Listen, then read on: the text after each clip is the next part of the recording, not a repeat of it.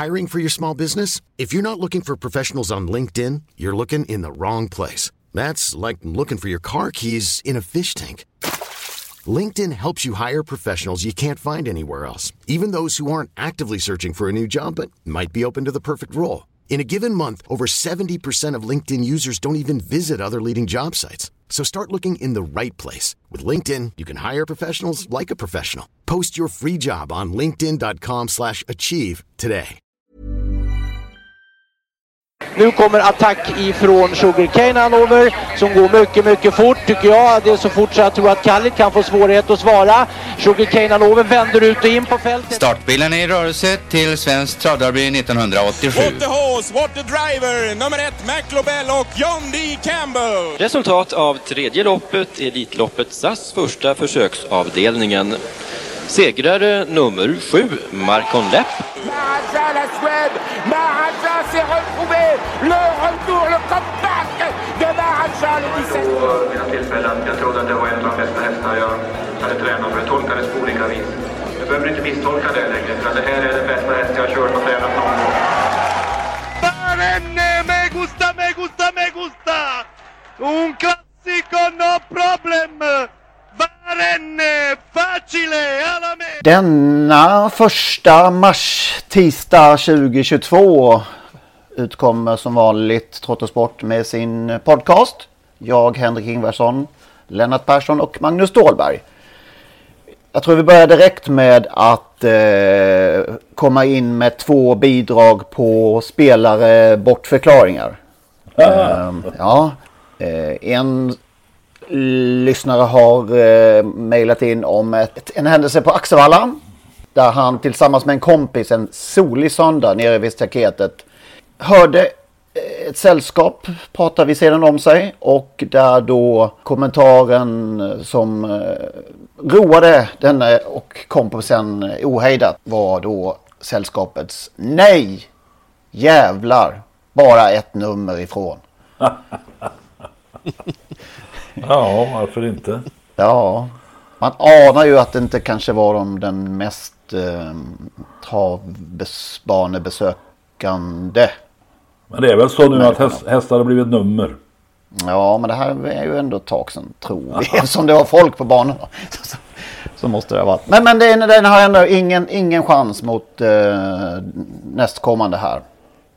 Det utspelar sig en bil på den tiden då, om vi återigen ska hänvisa till det, folk åkte till travbanorna. Och kanske ganska frekvent förekommande. Vecka ut, vecka in. Det här ehm, var efter en kväll på Eskilstuna, Sundbyholm. Och de hade åkt då, den som mejlade in detta och Trackfara-vännen som man kallar honom. 10 mil i total tystnad från Eskilstuna. Efter att han har fått då tre rätt på V5 på 2400 rader.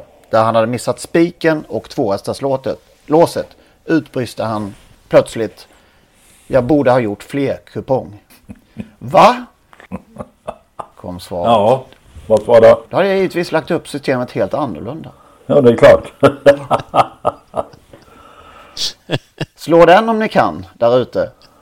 Den Nej, det är svårt, det är svårt att slå. Jag, jag kom att tänka på en sak, det var ingen bortförklaring men ändå, ändå ett väldigt bra svar på Solvalla. Det var Hans-Peter Tollefsen, den elegante norrmannen som hade vunnit med Hypersonic tror jag att det var. Men eh, det var stenhårt i mål och, och bara någon meter efter mål så hade han förlorat eller var motståndaren förbi. Och då frågade väl eh, intervjuaren vad hade hänt om loppet hade varit en meter till? Ja, det är lugnt Hans Petter för att loppet var just 2140 meter och inte 2141 så att det var lugnt. Va? Ja, precis. Ja, det är den eh, som sagt. Ja, slå den! Slå Inkom den! gärna med, med någon eh, som besegrar denna bortförklaring. 2400 rader, tre rätt på V5. Men en fler bång hade ju suttit. Ja, det, det var lösningen. problem. Ja. Annars är det ju, jag brukar säga att man, när det kommer till sådana här eh, saker att bli futtiga här i tillvaron och att man har svårt att finna mening. Så brukar jag säga att man, man ändå, ja, då kan man ge upp allting. Men, men den här veckan är det svårt att tycka att trav är viktigt. Det, ja, efter vad som har hänt den senaste veckan i vårt närliggande land. Ja, så är det. Så är det. Det, det, det är dystert det mesta man ser och hör. Det är svårt att eh, engagera sig för annat som man brukar göra under veckorna. Men vi Samtidigt, provar samtidigt ändå. så får inte livet stanna upp. Det, det vore förödande om Putin kunde få oss att sluta med allt vi håller på med som är roligt. Nej. Så vi försöker helt enkelt och eh, köra lite som vanligt. Vi hade ju till exempel eh, diskussion om, eller vi pratade om banlängder. Jag tror vi har gjort det två veckor nu. Och eh, efter senaste avsnittet så la vi ut en omröstning på Twitter om eh, vilka banor som eh, man skulle vilja se om det nu skulle kunna tänkas byggas nya banor i Sverige framöver. Vi hade fyra alternativ. 1100 meter, 1200 meter, 1400 meter och sen milebana då 1609 meter. Kommer ni ihåg vem som vann? Nej, jag kommer ihåg. Jag vet inte men jag har inget att komma ihåg. Nej, okej. Men Jag såg lite under eh, resans gång där att 1400 meter var i ledning. Om man får De vann, eller den vann då det alternativet på 46,7 procent. Nästan hälften. Ja, överraskande hög andel måste jag, jag tillstå. Tvåa kom 1200 meter på 30 procent. 1400 meter låter som eh, när man röstar i Jerringpriset. Att man får igång sina sympatisörer att rösta. Att Jägersro-sympatisörerna har varit med och röstat här. Ja, vi sa det lite skämtsamt här att det måste varit Jägersro-riggad den här, den här omröstning. Men det här med långa banor. Vi såg i lördags. Eh, det är ingen längre bana än de flesta andra i Sverige. Utan 1000 meters bana på Axel. Men det långa upploppet 227 meter. Vilken effekt det får. Alltså vilka ohyggligt roliga upplopp vi fick vara med om. Där ett par lopp, en av de sista hästarna spurtade våldsamt långt ut i banan till knappa segrar. Och de här som var stora favoriter, allt för stora visade sig, gav upp tidigt på upploppet. Så det är upploppets längd och, och som du sa tidigare när vi pratade vid Henrik. Om då upploppet blir 240-250 meter. Ja, det räcker ju ganska långt va? Att Ja. eh, vi stannar där. Det, därför blir jag lite överraskad över att alternativet 1100 meter stannade på 8 procent bara här. Är inte det ganska... Ja, jag är inne på 1100 meter. Möjligen 12 då. Ja, 12 skulle jag nog lägga min röst på tror jag. Men det beror på vad man har för marktillgång och sådär. Jag tror inte alla har satt sig in i det riktigt. Utan 1400 låter bra för det har Colgjini sagt. Han styr- den här norska banan som var vi inne på förra veckan då som ju blir 1100 meter och drygt 250 meters upplopp. Eh, jag kollade lite. Det var faktiskt markens eh, markmängden som till slut bestämde eh, banans längd. De hade målsättningen var en 1400 meters bana men det räckte inte. räckte inte De hade tur där alltså. Slapp 1400 meter. Ja, exakt faktiskt. Vi hade ju lite kontakt med Anders Lindqvist också. eh, Om, eh, jag kommer inte ihåg av vilken anledning vi kontaktade honom. Men, men det var ju majoritet av banor i Frankrike, eller väldigt stor del, är 1100 meter just. Något som Lindqvist uppskattar. Ja. Just med tanke på att publiken fortfarande kommer ganska nära och att man då ändå får de här lite vidare kurvorna och ett långt upplopp. Vi fick en synpunkt från Bertil Nordensson om, som ville ha 100 meter längre långsidor och dubbla open stretch.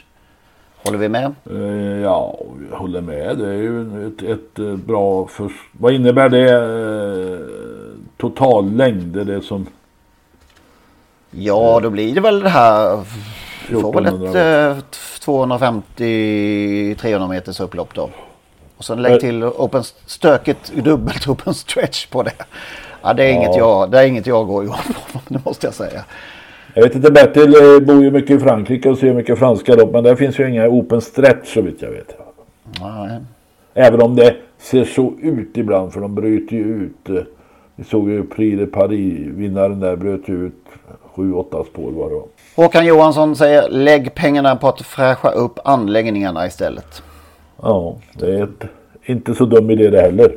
Samtidigt, vilka ska man fräscha upp anläggningarna för? Ja, och det kanske går att locka nya då om det är fräscha anläggningar. Jag vet inte. Men... Det här kan vi hålla på och diskutera i evigheter naturligtvis. Banlängder, eh, upplopp, eh, open stretch, eh, publikplatser och, och ni som är unga ni får hålla på till tids ände. Antagligen gör vi det helt i onödan också för det man ser ju ingen, möjligen då Jägersro här men annars ser man ju ingen eh, ny anledning i, i sikte. Ingen aktivitet på den fronten. det känns inte så. Vad skulle du för då Magnus? Ja, Jag sitter och tänker på, på det och det... Ja.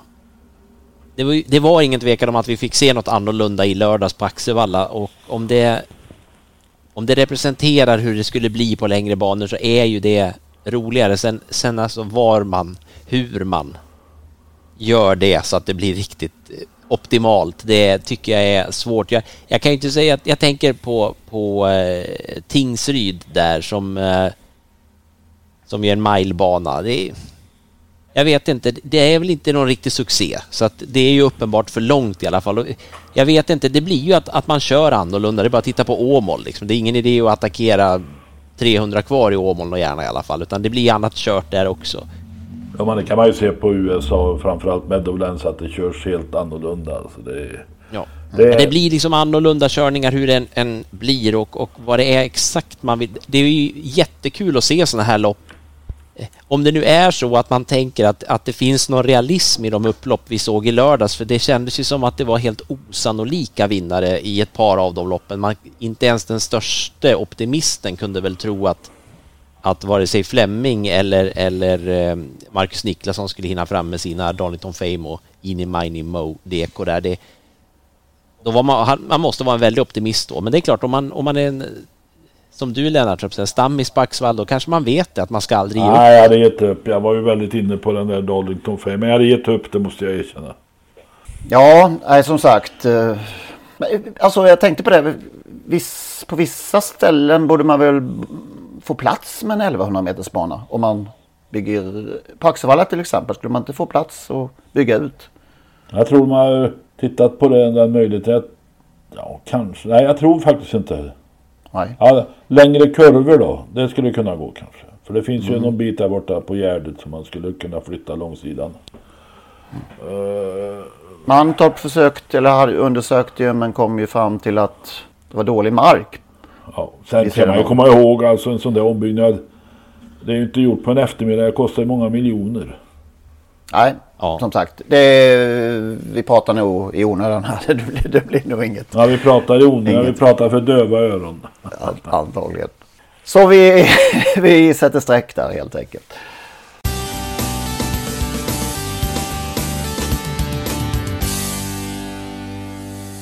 Vad hänt under veckan då?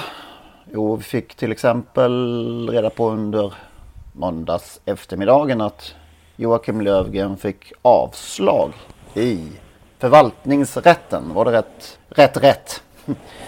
Ja, han får inte använda... Han får, han får inte ens ha med sig körspö ut till loppen. Nej. Då, alltså körspö får man inte använda nu för tiden mer än i korrigerande syfte. Så att egentligen behövs det inga körspö. Så vitt jag förstår. Nej, vi var inne på det här, eller jag i alla fall för några veckor sedan, att ta bort dem så slipper, slipper du de flesta bekymmer här nu. Ja, nu har de börjat med en uh, tränare i alla fall. Eh, Men det är klart att det är ju ett ja, ytterst märkligt eh, ställningstagande av denna förvaltningsrätt. Ja, nu ska det av, överklagas då till eh, kammarrätten blir nästa. Och till dess får han ju, om jag förstår saken rätt, använda körspö under överklagande perioden helt enkelt. okej. Men man blir ju, man blir ju förvånad. Hur, hur kan dessa eh, välavlönade jurister och assisterande jurister överhuvudtaget ägna sig åt det här fallet? Ja, nej, det, det, det, Finns det, alltså det finns ju säkert mycket viktigare saker att ägna tid och, och eh, kompetens. Och det här blir ju bara fånigt. och hur djur behandlas i andra sammanhang. Ja, ja det är yt, eh, ytterst med, märkligt. ja, det får man säga. Ja, och konsekvenserna nu om, om han nu då skulle fällas även i att det här står fast även uppe i kammarrätten där. Det är ju alltså konsekvenserna för en enskild utövare i sporten blir ju helt... Ja. Ja, jag, vet, jag vet inte hur, hur han kommer att reagera på det ens. Alltså det är ju... Ja. Ja, det är, Det är bara en rätt kvar och sen är det ju... Sen, ja, Europadomstolen möjligen. Jag vet inte. Apropå händelse i veckan så var det ju en uh, jättehändelse som vi pumpades med under en hel eftermiddag. Att snart kommer vi med ett stort avslöjande. Och det kändes som ungefär att nu får vi vara med om något riktigt roligt. Och så när det väl kom så kändes det som att Friidrottsförbundet förbundskapten hade tillkännagjort att Daniel Ståhl ska kasta diskus och uttagen till Finnkampen. alltså, man blir ju lätt trött när man sitter, nu ska första hästen i Elitloppet presenteras och eh, då, ja, det- tyckte man ändå lät Även om det är tidigt, eh, nu rycker han fram något S ur, ur sin skjortärm där, Malmrot. Och så blev det då fjolårsvinnaren Don Fanucci sett, eh, ja, suck. Ja, nej, jag har ju varit inne på det flera år tidigare att det är ju ett enda stort skådespel det här. Det är ju, men det, det hör väl till eh, antar jag. Det är ju... Vi kan vet man ju, förstå- Vi vet ju vilka hästar som kommer och liksom, det är ju så. Sen kan man förstå Malmrot och Solvall, de får tid i tv, fetfyran dessutom som det blir. Ja, då kunde de inte hålla sig länge. Nu var tv-kamerorna lockade för mycket. ja. Ja. Ja, vi får vänta till 19 mars nu vad jag förstår så kommer alltså nästa inbjudan. Eh, så det är ju en olidligt spännande väntan då. Ja, och det lär väl bli en häst som, det, det är väl några dagar efter eller dagen efter något sånt där kriterium. Det vi test då. Det blir Vivid Vice Ars blir det. Ja, det kan man nog slå fast. Eh, Ja. Sen konstaterade jag i alla fall att jag fick en viss bekräftan på det som jag har lust, eller i alla fall det har viskats om de senaste månaderna att eh, Robert Berg numera har en väsentlig stor del av sin tränarrörelse i, inte på Åby, i Hajom, som det ju byggdes för stora pengar, utan i Sundsvall, Bergsåker, på sin gamla gård. Bekräftar han ju i en kort intervju här med, med eh, Mats Olsson i, på Expressen. Ja, GT är det kanske. GT. Mm. Ja, vad, ska, då- säger man om, vad säger man om det? Ja men eh, alltså finns det Jag vet inte, jag kan inte reglementet naturligtvis. Men eh, får man ha licens eh, då på Åby om man har fler hästar eh, på eh, en träningsanläggning som tillhör Bergsåker?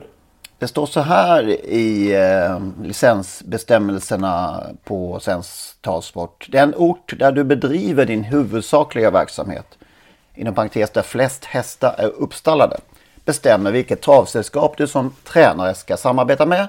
Ja, så att det är ju tydligt här att eh, har man flest hästar i Sundsvall så borde han vara bergsågstränare. Och det kan man möjligen tycka är oväsentligt egentligen men det handlar om stora pengar för travsällskapen eh, gissar jag. Ja, det utgår väl någon slags, jag kan inte det Nej, bidragssystemet. men är det någon premie för hur många hästar man har i eller något sånt där va? Ja, men jag, vad jag hörde så är det bara två, två anställda nu på Hajom. Av då Robert Bergs, vad har han totalt? 110-120 hästar tror jag. Så lite märkligt. Vad tände det till på under, under veckan då i trav, travvärlden? Den som har gått menar du? Ja, Nej, det var ju Axvalla där. Jag var inte där men eh, tyckte det var fantastiskt trevliga lopp. Och favoriter som svek. Som egentligen inte borde varit favoriter kan man ju tycka. Det är ju lätt i efterhand. Men eh, Disco Volante som kanske inte har någon toppform och opassande där med, med långt upplopp. PRUB, eh, vad heter den? PRUB. PRU. Eh, jag inte vunnit på ett tag och inte visat någon jätteform. Blev också ganska klar. Pere Ubu heter den ju.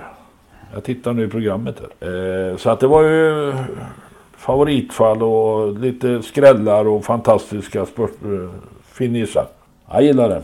Ja, Thomas Malmqvist som höll jag på säga, kommer hem till Sverige, det, det, det gjorde han väl inte direkt, men ändå plockar ut en häst som vi väl inte har sett i, i de här sammanhangen tidigare och, och, och vinner till och med guld i Sverige. Som knappast någon jävel hade hört talas om och företog Nej, det- det-. Ja, det är otroligt. var det något upphetsande med Prix de Paris? Nej, upphetsande. Det, det var ju ett, ett, ett lopp där det gavs och tag, togs. Alltså det var ju många, många körningar.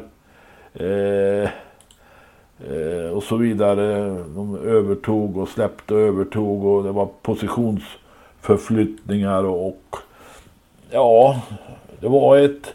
Det, det, det hinner ju hända mycket på 4000 meter naturligtvis. Ja, åtminstone på Vincennes. Ja, ja, hemma blir, ja, det håller jag med om. Det var ett häftigt lopp faktiskt. Det visar sig kanske lite nu också igen då att de här som var med och högg i Prix d'Amérique var matta, trötta. Och det blev ju en liten överraskning, en ganska stor överraskning. Du Diable de Vauvert där. Eh, som var tvåa i fjol förvisso. Och då vann ju Etonant och nu var det tvärsom. Jag hade ju förhoppning att den här Gaius skulle vinna det här loppet. Men han har också fått en lång säsong uppenbart. Prix d'Amérique tvåan. Så att... Eh, Ja, det tar ut sin rätt helt enkelt. ja. Uppenbart. Och nu stänger vi väl vintermeetinget va? Det är över. Och nästa storlopp Ja. blir helt enkelt på Rivieran. Och vad är det, två veckor dit? Inte nu på söndag men nästa. Kan det vara Så så? Det. Ja, jag missade ju helt att det var Prix de Paris. På ATG.se stod det ju inte att loppet hette så, så jag bläddrade ju förbi där. Ja, okej. Vad, vad, he- vad heter det där då? Ja, det hette, det hette lopp fyra. Ja, Så att det, det höll i sig ett tag där. De fick dit Prix d'Amérique va och, och så, men- men eh, till Prix d'Amérique, de orkar liksom inte hålla i till Prix de Paris där utan, utan de stängde lite tidigare på ATG. Nu stänger vi dem. Han är ju rätt förvirrat där i, i franska startlistor också nu för tiden. När ZE Turf har, har de där loppen. Och eh, så de, de där namnen, till och med Prix d'Amérique faller i, i skuggan. ja det är lite fin, i fin stil till lite mindre stil. Ja. Och, och längst bak står det. Det är också, det är också Prix d'Amérique det här. Ja, Ja, det är som när de kallar till start i eh, Elitloppets försök sådär. Det Klart för start, V75 1, V5 2, V3 1, V4 4 och Elitloppets försök. inte, inte lunchdubbel ett också. Det, är mycket innan.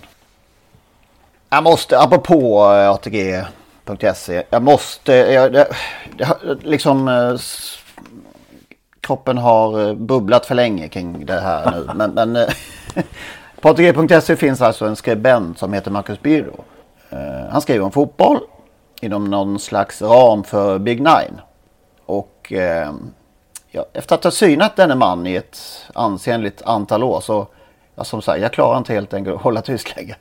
Under en kort period så hade vi också samma uppdragsgivare så det, då, då blev det extra liksom ehm, flagrant eh, just då. Jag vet inte vilken arbetsgivare i ordningen som han, eller uppdragsgivare i ordningen han ägnar sig åt, att återanvända gamla redan skrivna texter. Gång efter gång. Eh, bara de senaste veckorna har han åtminstone åternyttjat tre, eh, flera år gamla texter. Som har skrivit sig a- för andra Och uppdragsgivare vi, tidigare. för andra uppdragsgivare. Och vissa av dem inte, vissa av dem är inte bara publicerade en gång tidigare utan flera gånger. Vad kallar Det man det här? Vad säger man om det här? Vad kallar man det? Återanvändning. Ja, men... Är det bedrägeri eller vad? Liksom, Ja, det kan man ju kalla det. Möjligen. det är ju... Ett otroligt modernt sätt Han kan ju också ha gjort upp med uppdragsgivaren att ja, ni, ni får ett antal gamla texter av mig. Ja, det låter ju pa- passionerat.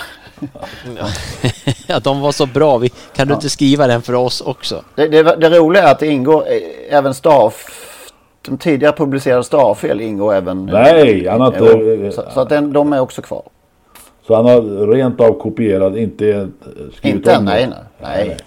Det- Även stavfelen ingår. Nej, jag tycker det är helt, helt sensationellt. Men eh, det gör det. Ja. Ja, Jag är tyst, jag är mest häpen. Jag, jag, jag, ja, jag är inte häpen. nog för att det är svårt, det vet man, det är svårt att skriva texter ibland, det är det ju.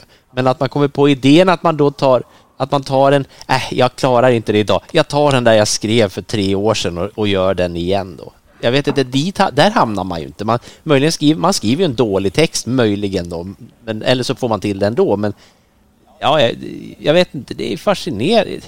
Ja, det går ju att göra uppenbarligen då. Han, han syns ju här och där och har gjort det i alla dessa år. Ja, och även det är lite märkligt. Jag har några tusen texter till salu. De är visserligen gamla men det går att återanvända. Nej, vi lämnar Biro tycker jag. Jag orkar inte. Jag tänkte bara säga, det känns ju lite som att man, man utan att vara, göra det på samma sätt som Birro, men nog, nog känns det som att man skulle kunna lyft några texter man skrev för 20 år sedan om, om travets utveckling och, och vad man tycker om det. Det skulle kunna användas idag. Det är, vissa saker har liksom stått still på något sätt, eller att man, sånt man kritiserade då, det kritiserar man idag. Så att, eh, det kanske är en affärsidé. Jag, kanske tändes en liten lampa för mig. Jag ska reta lite grann om det finns något.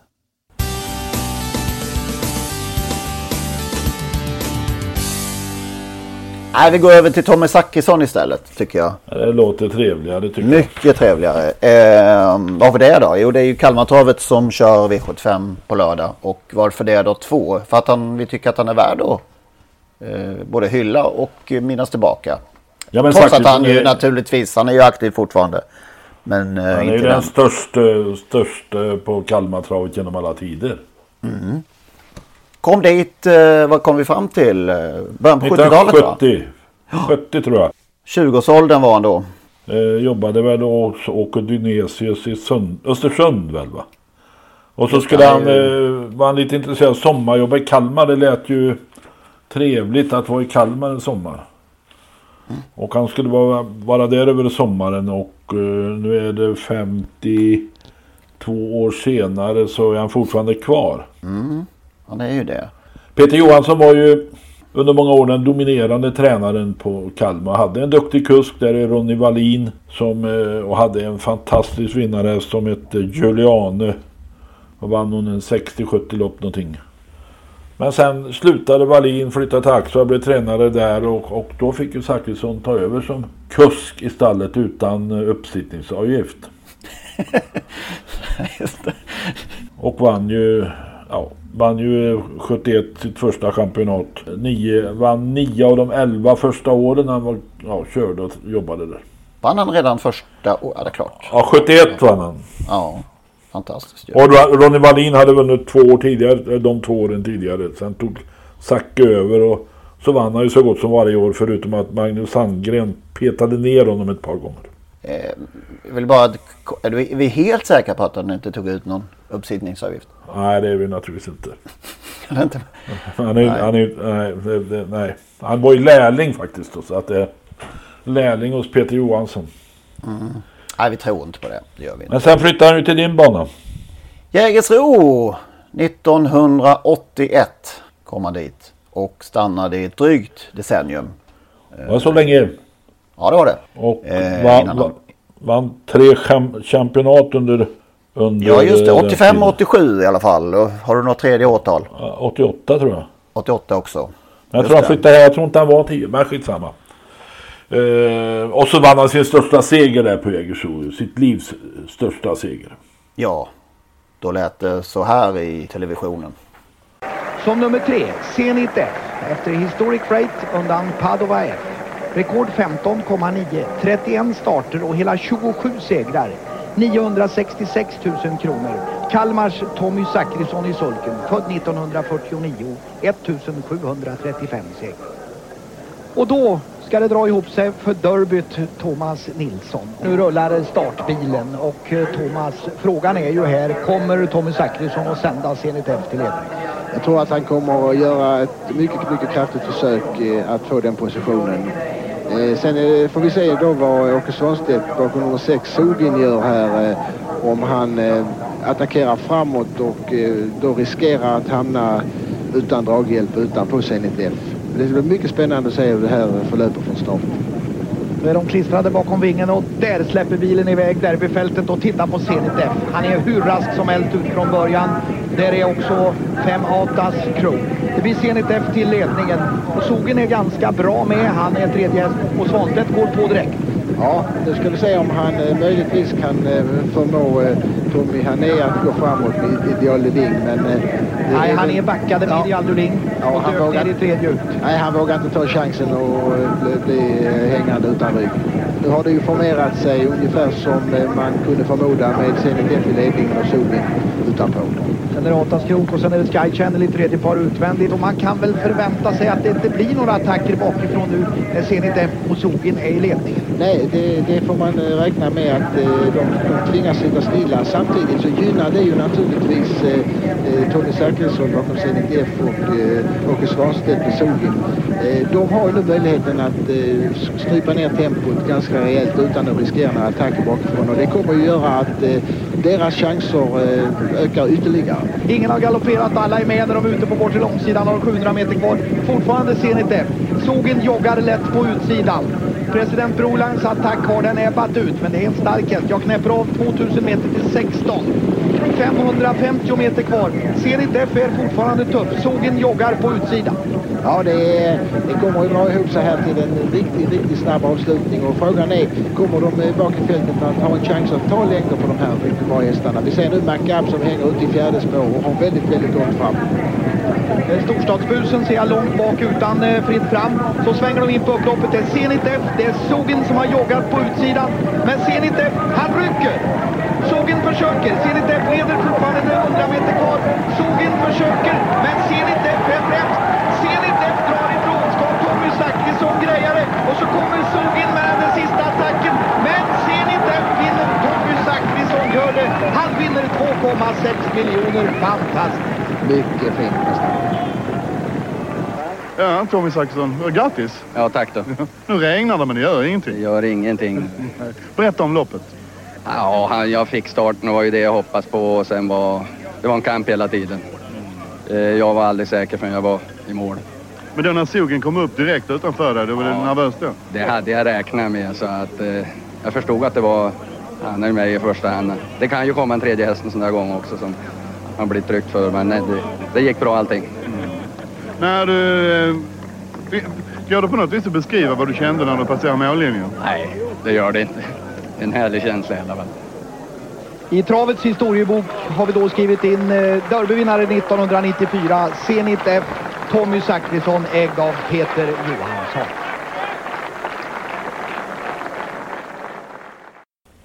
Lillis. Paret Lillis Olsson och Thomas Nilsson. Ja. På den gamla goda tiden höll jag på att säga. Och det är ju märkligt, alltså Zenit F så här med, med eh, far, eller när, efter, efter tankens kranka blekhet så han slog alltså Sogin. Ja. Efter att då haft den eh, utvändigt om sig i stort sett hela vägen tror jag. Ja, det, Jag undrar hur kaxig han var eh, varvet från mål. Ja. En härlig, härlig häst. Jag minns att jag faktiskt eh, var på Jägersro, om det var debuten eller möjligen andra eller tredje starten för Zenit F och det var sånt här, ryktena fladdrade i luften liksom om vilken, eh, Det här är blivande vilken derbyvinnare. kanon det här var liksom som Zachrisson hade fått fram. Så det är härligt att man upplever de där gångerna när, när man får se dem för första gången och se om ja, ryktena stämmer. Det gjorde de. Och det gjorde de. Ja, är det den senaste paradtravaren som har vunnit derbyt eller? Ja, det är lite Captain Corey-stil på, på honom. Eller? Ja, jag skulle säga nästan, nästan mer ändå va. Alltså Zenit F kändes ju som att han hade ju, kunde inte böja på benen, det kunde han naturligtvis, men det var, han var ju karaktäristisk. Det var ju ett, eh, det var ett mysigt ekipage. Verkligen. Uppfödd dessutom av, av Peter Johansson. Man skulle vilja att någon sån häst kom fram igen. Flack, flackgång.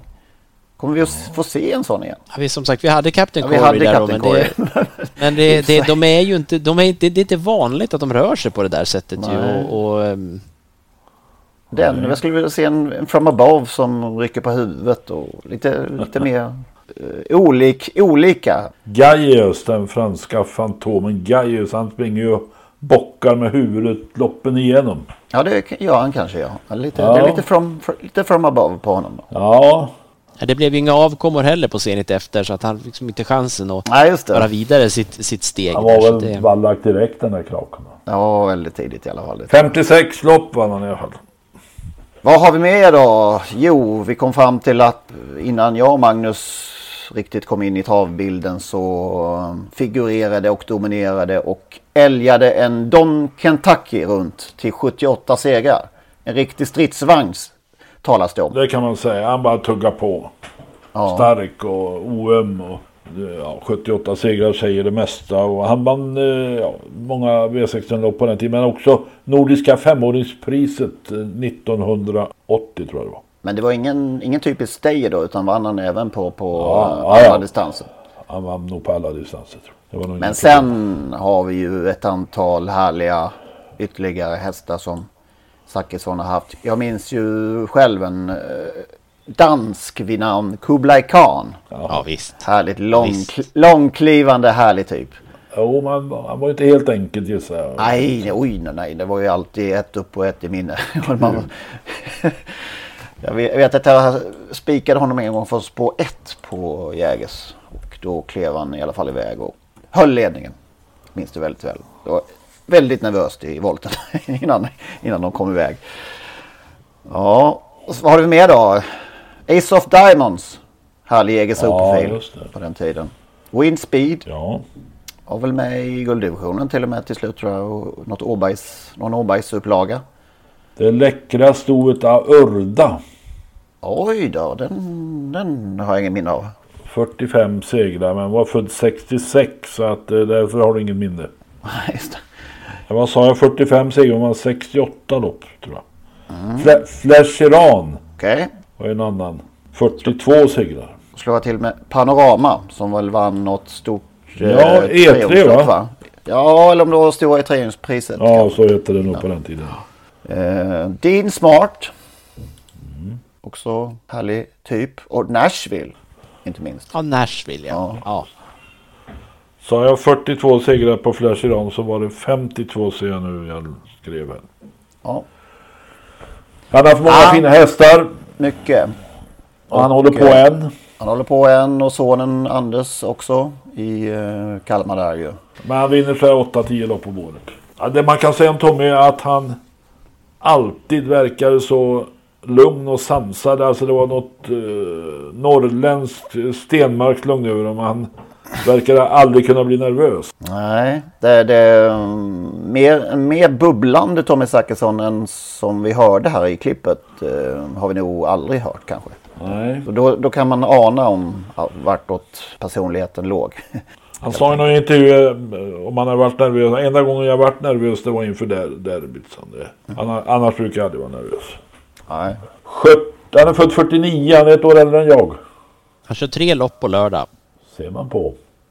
Utanför V75. Han, han får, får väl inte köra V75. Han är en av dem som inte får det. Ja, det Eller jag då. vet inte hur det är. Han har inte, uppfyller inte kraven. Det känns ju helt märkligt. Men Nej, Han har ju bara vunnit nästan 2000 segrar. ja, Han blev inte ju väl medlem i tusenklubben med just den Winspeed du nämnde där. Ah, 1984. på Jägers. Hoppas jag. Ja, det vågar jag inte svara på. Ja, men de var ju ett gäng där. mm, Familjen Takter och eh, Veijo och Tommy Zachrisson. Det var väl de som dominerade i några, några år där på 80-talet på, på Jägersro. Ett av skälen till att han stannade där var säkert... Nu ramlar mitt kontor. Peter Johanssons dotter Maria som han senare, sedermera gifte sig med. Och som sagt, V75 kliver in på Kalmartravet på lördag då. Vad tänder vi till på omgången? Uh, ja, vad tänder till? Kom igen nu. Ja, men det, det är ju alltid... eh, V75 är ju travets elitserie, det måste man ju tända till. Ser vi till att börja med, ser vi en eh, effekt här av uppsittningsspektaklet eh, när vi tittar in i V755 och på nummer 7 Sweetman som ju nu står Johnny Takter över av okänd anledning. Eller om han är petad. Men Stefan Persson brukar ju vara den som i, så an, i andra fall kör. Nu är det- Adrian, Adrian Colgjini. Jag tror det är för tidigt att dra några växlar av detta. Ja. Eh, Jag noterar ändå sa, eh, det hela.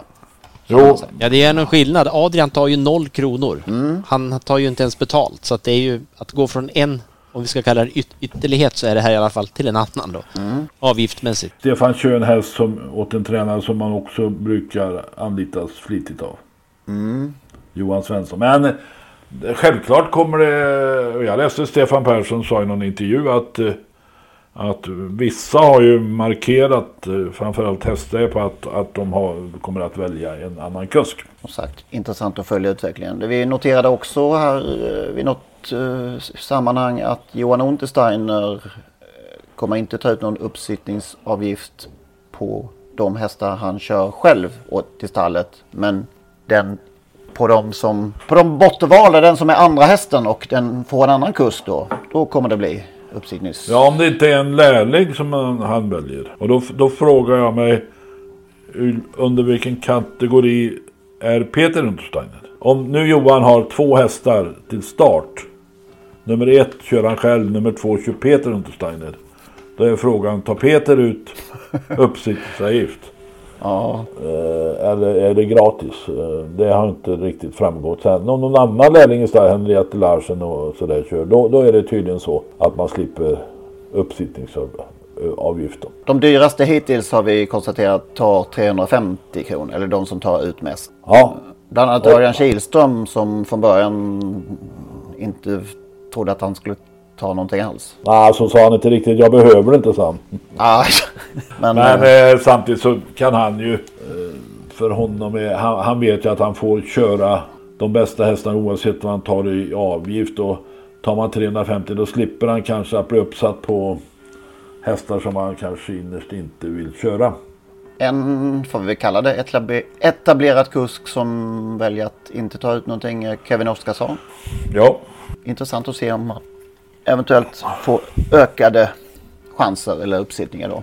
Det finns ju en risk med det också. Det är att man får köra massa bröter som man egentligen inte vill köra. Ja. Apropå Örjan så gör ju, vi pratade om Kalmar på lördag. Så gör ju Who's Who comeback. Yes. Nu börjar det kanske och... Årets häst på Solvalla i fjol. Just det. Ja. Och kommer bli jättefavorit. Och ändå blev han inte först inbjuden till Elitloppet. Nej, just det.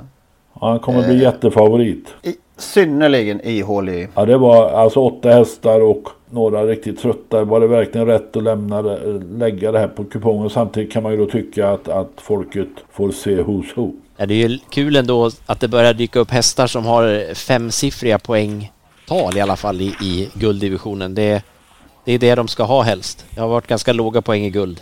Ja, men att, då, nu hade du kommit med på noll. Ja, det är ju inte, återigen inte fullt. Det är alltså fyra platser som, som fanns till förfogande för den som var sugen att vara med. Men, men eh, det ska bli kul att se Who's Who i alla fall. Absolut. Och han, liksom många andra den här veckan, är ju anmälda utan skor. Eftersom det är samma dag som vi kommer ut idag så är det ju premiär för Fri Balans.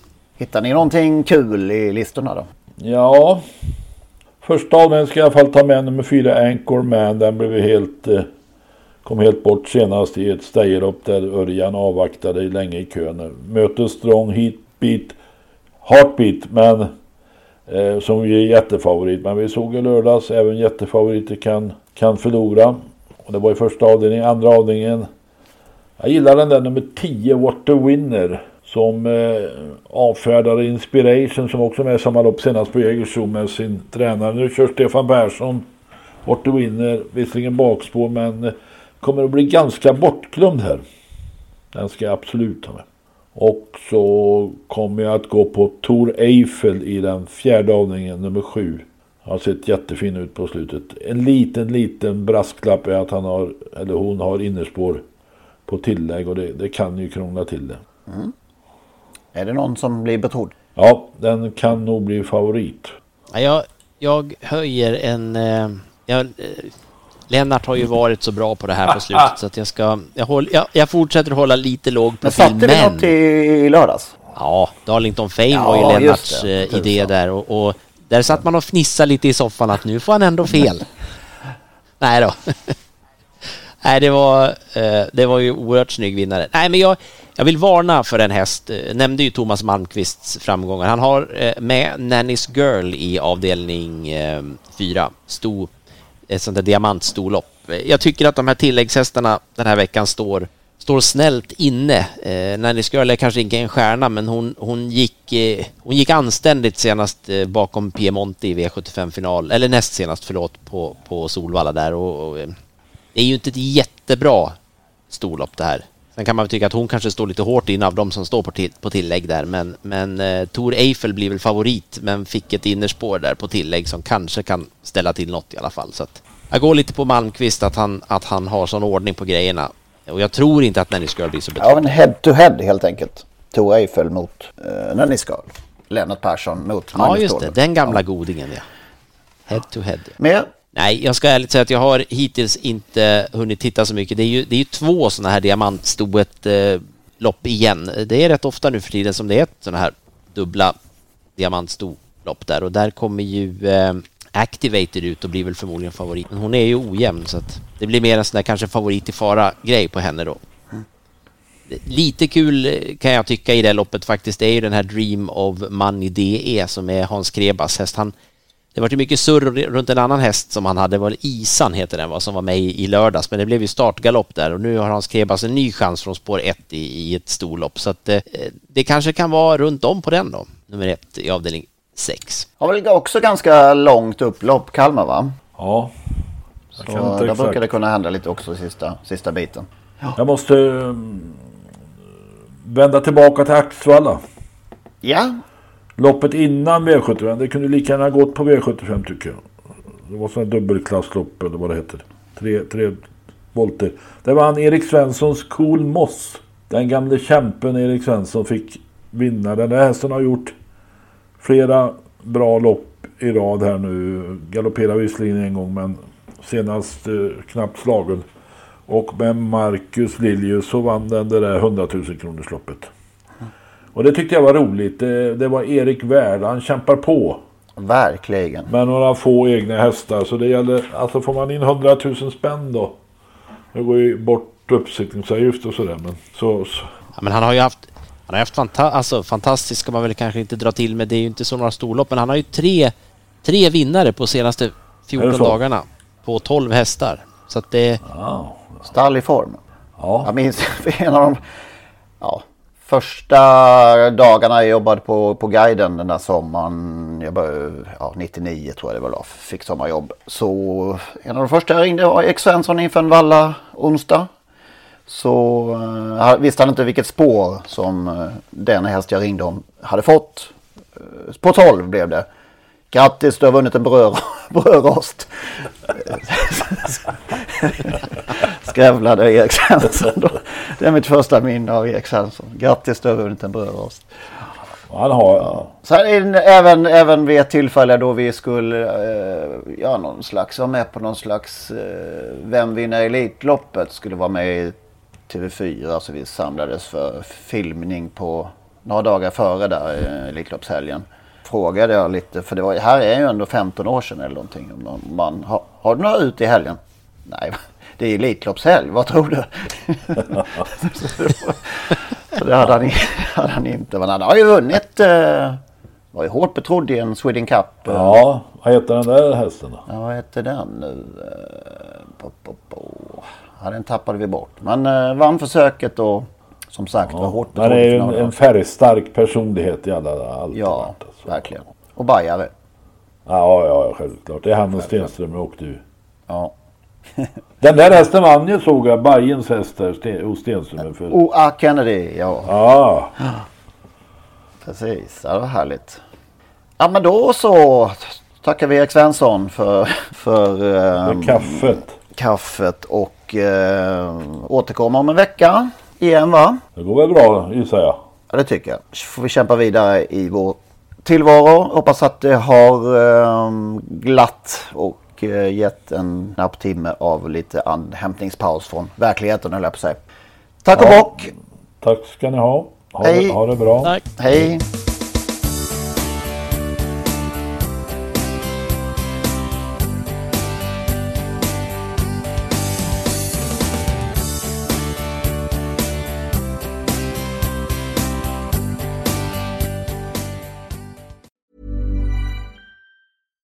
Hi, I'm Daniel, founder of Pretty Litter. Cats and cat owners deserve better than any old fashioned litter. That's why I teamed up with scientists and veterinarians to create Pretty Litter. Its innovative crystal formula has superior odor control and weighs up to 80% less than clay litter.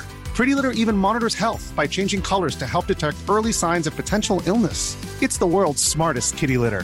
Go to prettylitter.com and use code ACAST for 20% off your first order and a free cat toy. Terms and conditions apply. See site for details.